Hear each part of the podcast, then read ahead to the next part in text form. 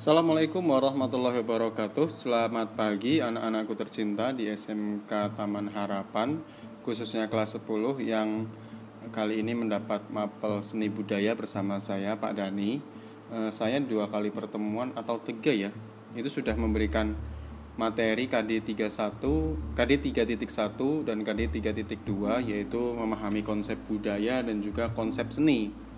Saya sudah kasihkan kalian handoutnya artinya materi dalam bentuk tulisan yang bisa kamu download kemudian kamu baca atau kamu print lebih bagus ya.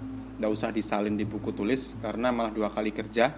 Nah untuk penjelasannya saya menggunakan media podcast ini untuk sebagai salah satu alternatif media pembelajaran selain video ya. Karena dua kali video juga kalian sudah saya kasih yaitu untuk penjelasan seni ya. Nah, terus kemudian hari ini saya menggunakan media podcast yang bisa kamu dengarkan di beberapa platform kalau yang pakai Apple ya bisa di Apple Podcast kalau yang pakai Android ya bisa didengarkan di Spotify atau Google Podcast atau di Anchor.fm ya. Oke eh, nggak usah lama-lama langsung saja saya mulai untuk konsep budaya yang pertama yaitu memahami konsep budaya ya. 3.1 yang kamu bisa download itu handoutnya ada di Google Classroom. Uh, manusia itu terlahir dan hidup ke dunia ini diberikan bakat seni oleh Tuhan yang Maha Esa, yaitu Allah Subhanahu wa taala dengan bakat seni dan kecerdasannya. Manusia itu telah menciptakan kesenian dan kebudayaan yang membuat kehidupan manusia semakin indah dan menarik. Setelah tercipta di dunia ini, seni harus terus dikembangkan karena dunia seni telah mampu memberikan warna sendiri dalam perjalanan hidup manusia dari masa ke masa memang kesenian dan kebudayaan itu berkaitan. Nah, di Indonesia sendiri kesenian dan kebudayaan itu sangat beragam. Tugas kita untuk melestarikannya sangat beragam karena ada kurang lebih 34 provinsi yang tersebar di negara Indonesia dengan berbagai pulau, macam kebudayaan dan uh, adat istiadatnya. Nah, pada hakikatnya manusia itu kan makhluk Tuhan yang diberi akal, hati, perasaan sehingga manusia mempunyai kelebihan dibanding makhluk Tuhan yang lainnya. Dengan kelebihan akal tersebut, manusia mempunyai keinginan untuk menciptakan seni dan budaya. Ia berusaha mengenal, mengolah, memahami, dan memanfaatkan alam sekitarnya untuk menciptakan karya seni dan budaya. Jadi seni dan budaya itu yang menciptakan adalah manusia. Yang manusia yang diberikan akal oleh Tuhan, yaitu Allah Subhanahu wa taala. Nah, jika diibaratkan budaya dengan kesenian memang seperti peribahasa ada asap, ada api yang artinya tidak bisa dipisahkan. Ketika kita berbicara seni dan budaya, hakikatnya merupakan dua hal yang tidak bisa dipisahkan serta saling berkaitan. Nah, pada intinya di dalam seni pasti mengandung kebudayaan yang sangat unik dan khas. Begitu juga sebaliknya. Pada setiap kebudayaan tentu mengandung nilai seni yang indah dan disukai semua insan manusia. Nah, di handout sudah saya berikan pengertian budaya ya. Nah, contohnya itu dari segi etimologis atau suku katanya, etimologis atau suku katanya, kata budaya itu berasal dari bahasa Sanskerta atau bahasa Jawa yang kuno, eh, bahasa Jawa kuno. Diambil dari kata budaya, artinya budaya artinya segala sesuatu yang berkaitan dengan akal dan budi manusia. Segala sesuatu yang berkaitan dengan akal dan budi manusia. Di sisi lain, kalau bangsa Barat atau Eropa menggunakan bahasa Inggris pakai kata culture atau C U L T U R E ya, culture. Kalau di kita diserap jadi kultur. Ya. Culture dari penggambaran budaya. Kalau dari bahasa Latin, budaya menggunakan istilah colere, C O L E R E. C O L E R E bukan C O L E R E. Colere artinya mengolah atau mengerjakan.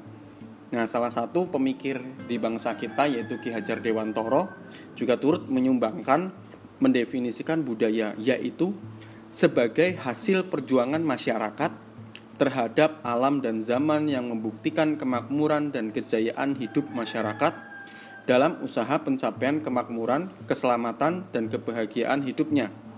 Ya. Jadi seorang Ki Hajar Dewantoro juga punya pemikiran mendefinisikan tentang budaya.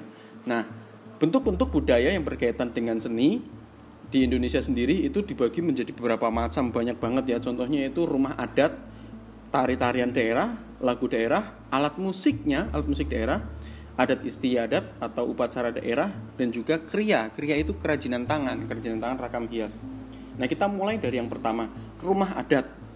Setiap provinsi atau daerah daerah-daerah di Indonesia itu memiliki ciri khas dari rumah adat. Nah, ini tidak bisa kamu lepaskan dari budaya Indonesia. Kamu bisa melihat wujudnya dari internet langsung. Sekarang eh, dari internet ya. Kalau dulu zaman saya sekolah itu dari buku, poster. Sekarang kamu bisa lihat dari internet rumah-rumah adat atau kalau pengen menengok langsung, silahkan ke Taman Mini Indonesia Indah. Di sana ada miniatur-miniatur atau replika dari eh, rumah-rumah adat yang ada di Indonesia. Nah, pada dasarnya rumah adat berfungsi sebagai hunian suatu suku bangsa tertentu. Hanya saja dalam membuatnya dengan memakai seni dan tidak sembarangan. Jadi ada hitung-hitungannya. Dan yang modernitas yang sedang melanda di negeri kita Indonesia itu ternyata malah hmm, tidak memberikan keamanan bagi masyarakat sekitar. Contoh tragedi e, gempa di Lombok. Itu yang roboh adalah rumah-rumah modern. Tapi jika yang masih menggunakan rumah-rumah adat itu justru alhamdulillah resiko untuk terjadi risiko terkena gempa rumahnya itu tidak begitu besar. Artinya ya mungkin ada beberapa bagian yang rusak cuman strukturnya itu masih kokoh jadi tidak roboh nah itulah kepentingannya yang kadang manusia modern seperti kita ini tidak diketa tidak mengetahuinya hanya ingin terlihat seperti modern saja tapi ternyata dari fungsinya jauh banget bahwa rumah adat itu punya hitungan yang sangat-sangat valid untuk menjaga keamanan dan kenyamanan masyarakat yang menempatinya. Nah, di handout saya berikan contoh itu rumah kasepuhan dari Jawa Barat artinya keraton ya. Biasanya kalau kita keratonnya ini kita ambil dari Cirebon sih rumah kasepuhan. Banyak sebetulnya. Nah ini saya ambil fokusnya dari uh, Jawa Barat aja. Kemudian yang kedua ada tarian atau uh, tari tradisional. Sering menyebutnya tari tradisional. Tari tradisional itu kan yang memang menjadi sebuah khas ya khas. Kamu kalau tari kreasi itu uh, dari tadi dari tari tradisional dikembangkan menjadi tari kreasi. Nah kalau tari Jawa Barat itu ya ada jaipong ya kan? Kemudian ada tari merak. Itu merupakan tari adat tari tradisional nah tari ini kan biasanya punya musik pengiring musik pengiringnya itu pakai alat musik daerah. Di sini kalau Jawa Barat uh, menggunakan alat musik angklung yaitu alat musik yang terbuat dari bambu ya. Yang uh, yang awalnya ini alat musik angklung hanya untuk uh, persembahan tentang bersyukur syukur panen padi. Nah kemudian secara perkembangan bisa digunakan sebagai macam-macam alat komunikasi hiburan kemudian pengiring tari juga bisa ya. Kemudian di Jawa Barat itu juga memiliki lagu daerah yaitu ada yang paling kita kenal Manuk Dadali. Manuk Dadali itu menceritakan tentang nasionalisme ya yang diibaratkan melalui burung Garuda. Kemudian ada bubui bulan cing cangkeling dan yang lain sebagainya. Nah kemudian ada alat musik eh, lagu kemudian tari. Kita langsung ke pakaian adat. Nah pakaian adat itu tujuannya adalah untuk acara-acara khusus. Contohnya acara-acara pernikahan. Kalau dulu zaman dulu itu uh, seperti agak diwajibkan ya seperti agak diwajibkan untuk menggunakan pakaian adat saat pernikahan. Tapi kalau kita berbicara sekarang ya mungkin hanya di momen-momen tertentu saja pernikahan sekarang sebenarnya sudah serba modern ya. Bajunya pakai gaun dan yang lain sebagainya. Jadi uh, adatnya ditinggalkan. Tapi ini saya tidak berbicara seluruh Indonesia. Jadi kebanyakan seperti itu. Di bagian-bagian Indonesia yang lain ya pasti masih menjunjung tinggi yang namanya adat istiadat adat istiadat dari segi pakaiannya. Nah dari segi adat istiadat juga ada yang namanya upacara upacara adat upacara adat ini untuk e, menghormati beberapa momentum contoh kayak di Bali itu ada upacara ngaben yaitu upacara pemakaman jadi menggunakan upacara adat kalau di Dayak itu ada menggunakan tradisi penandaan tubuh atau tato atau tindik di daun telinga. Itu macam-macam. Di Toraja juga ada upacara pemakaman namanya kalau tidak salah itu rambutuka. Itu Toraja itu kalau makamnya itu ditaruh di e, dalam gua atas ya, ada yang digantung juga. Macam-macam kita tidak bisa e, memberikan fatwa bahwa itu tidak diperbolehkan. Memang hukum adatnya seperti itu. Kemudian uh, semuanya sangat beragam ya di Jawa Barat juga ada serentown serentown sama uh, berhubungan dengan uh, agraris artinya padi ya tentang macam-macam kemudian ada juga senjata tradisional. Kalau dari Jawa Barat adanya kujang. Ya. kujang itu uh, semacam kayak pisau tapi uh, apa sih? Tapi dia bermotif lah bermotif dan melengkung ya. Mungkin lebih tepatnya mungkin kayak rent kayak celurit mungkin tapi ada motifnya ya. Nah, kalau di Jawa ya juga ada keris ya, macam-macam kalau di Jakarta ada golok tapi bukan untuk yang uh, begal beda lagi itu penyalahgunaan ya itu tidak boleh. Lalu ada kriya atau uh, kerajinan tangan. Ya, yang paling kita kenal si batik ya. Batik itu uh, sebuah kerajinan tangan dari Jawa. Jawanya itu ya macam-macam tapi kalau pusatnya itu ada di Pekalongan ya. Kemudian ada di Jogja Solo itu. Kemudian batik Papua juga banyak. Ini salah satu contohnya Jawa Barat juga punya batik kemudian topeng juga merupakan sebuah kriya dari uh, budaya yang ada di Indonesia. Nah kemudian ada yang terakhir souvenir. Souvenir itu uh, cenderamata cenderamata nah contoh yang paling khas itu dari beberapa daerah memang nggak semua daerah mempunyai souvenir atau cenderamata oleh-oleh. Eh, contoh di Jogja itu ada namanya Perak kota Perak itu eh, disematkan pada kota gede di Yogyakarta itu memang daerah penghasil perak di situ jadi bisa dicirikan menjadi souvenir dari budaya Indonesia. Kemudian kita masuk ke 3.2 yaitu konsep seni. Seni berkembang dari masa ke masa sebagai salah satu unsur budaya manusia di dunia. Keberadaan seni memang membuat kehidupan semakin menarik. Menariknya dari segi apa? Jika dipandang dari segi etimologis, seni dalam bahasa Sanskerta disebut silpa, C I L P A, cilpa. Sedangkan dari istilah barat atau Eropa dari kata art, ART bukan asisten rumah tangga ya yang berarti kemahiran Secara umum dengan keberadaan karya seni tersebut menunjukkan bahwa seni memiliki pengertian yang beragam Makanya kan saya memberikan kalian pengantar di awal itu Silahkan mendefinisikan seni Kamu bebas aja seni itu apa ya Nah Ki Hajar Dewantoro juga menyumbangkan pikirannya tentang pengertian seni Yaitu e, seni sebagai segala perbuatan manusia yang timbul dan hidup perasaannya dan bersifat indah hingga dapat menggerakkan jiwa perasaan manusia lainnya. Perlu kamu garis bawahi bersifat indah. Ketika kita ngomong seni itu pasti kita ngomong yang namanya keindahan atau estetika. Jadi tidak bisa dilepaskan. Segala sesuatu yang kamu lihat, yang kamu dengar, yang kamu rasakan itu membuat diri kamu senang, indah, itu dikatakan seni, ya, di situlah. Nah, kemudian kita gabungkan tadi sudah pengertian budaya dan pengertian seni. Dari segi etimologisnya, kata seni diambil dari istilah bahasa Sanskerta, yaitu sani, yang artinya setiap hal yang sengaja dibuat oleh manusia dengan menghadirkan unsur keindahan serta mampu membangkitkan perasaan dirinya dan bagi orang lain. Dapat disimpulkan bahwa seni budaya adalah segala sesuatu yang diciptakan manusia tentang cara hidup berkembang secara bersama pada suatu kelompok yang memiliki unsur keindahan atau estetika secara turun-temurun dari generasi ke generasi. Begitulah yang dinamakan uh, seni budaya. Oke. Kemudian kita lihat ada tiga sifat dasar seni. Um, ah bukan tiga sifat dasar seni tapi sifat dasar seni. Nah, sifat dasar seni pun memiliki lima ciri. Yang pertama seni bersifat kreatif.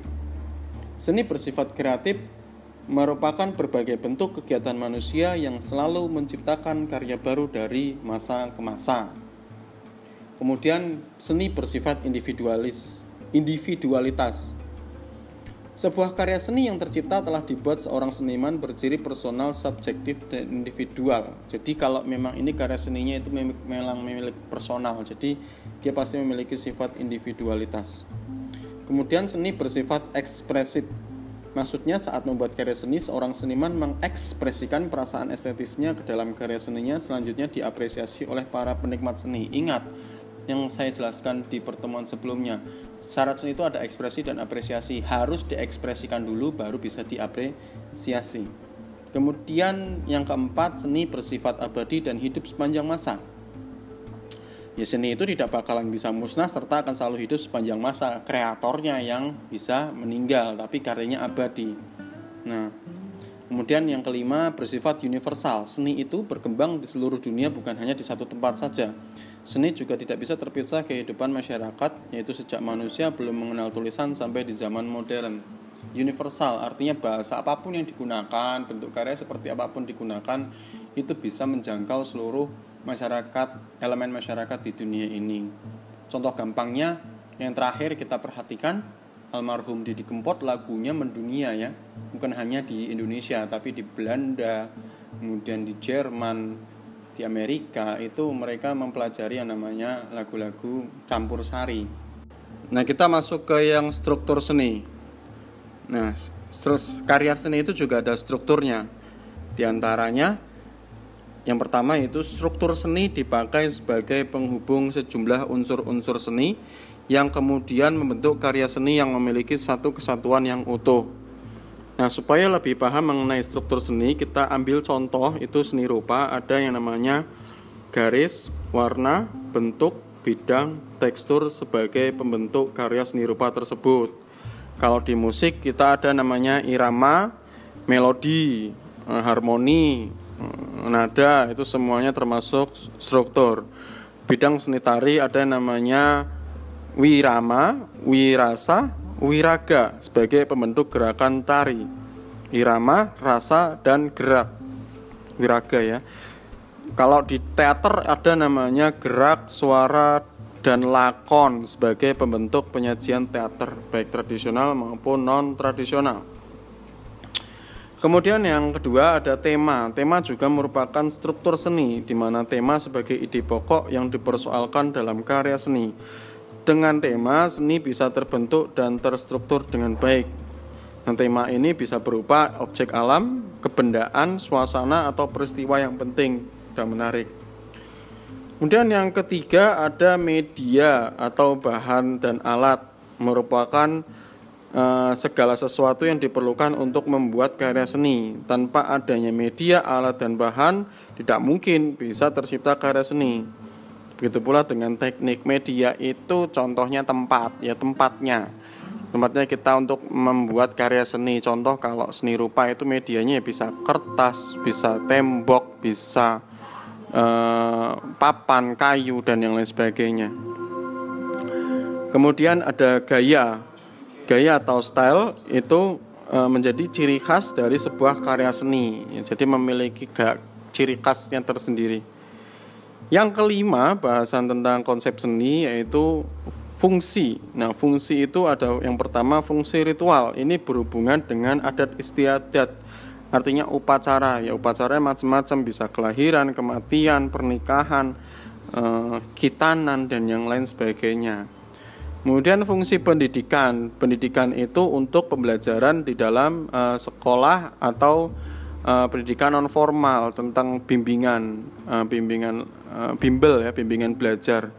Ya contohnya itu kalau di sekolah itu kita belajar ensemble musik yang secara berkelompok. Kalau di bimbel itu les itu kita belajar lebih spesifik biasanya satu alat musik, misal gitar atau drum, nah itu. Kemudian fungsi komunikasi menjadi alat media atau komunikasi kepada masyarakat luas. Seperti yang tadi saya bilang, ada yang namanya angklung. Angklung itu dijadikan sebagai alat komunikasi untuk masyarakat luas atau kentongan. Kalau ada kebakaran itu biasanya dipukul lebih cepat. Kemudian fungsi hiburan yang pastinya di sini menggunakan fungsi yang utama sebagai media hiburan ya. Jadi kalau segala macam seni itu ya kita nontonnya karena pengen menghibur diri jadi sebagai fungsi hiburan fungsi artistik artistik atau fungsi uh, seninya sendiri sebagai media ekspresi. Kemudian uh, karyanya itu untuk kepuasan batin kepuasan si penciptanya tanpa memikirkan komersial artinya dijual. Jadi untuk kepuasan dirinya sendiri. Toh nanti kalau misal aku dijual ya itu adalah bonus buat dia. Nah kalau yang fungsi guna itu memang diciptakan untuk mencari mata pencaharian, untuk mata pencaharian, untuk mencari kebutuhan sehari-hari. Jadi dibikin untuk dijual. Contohnya ya kerajinan tangan atau seni kriya.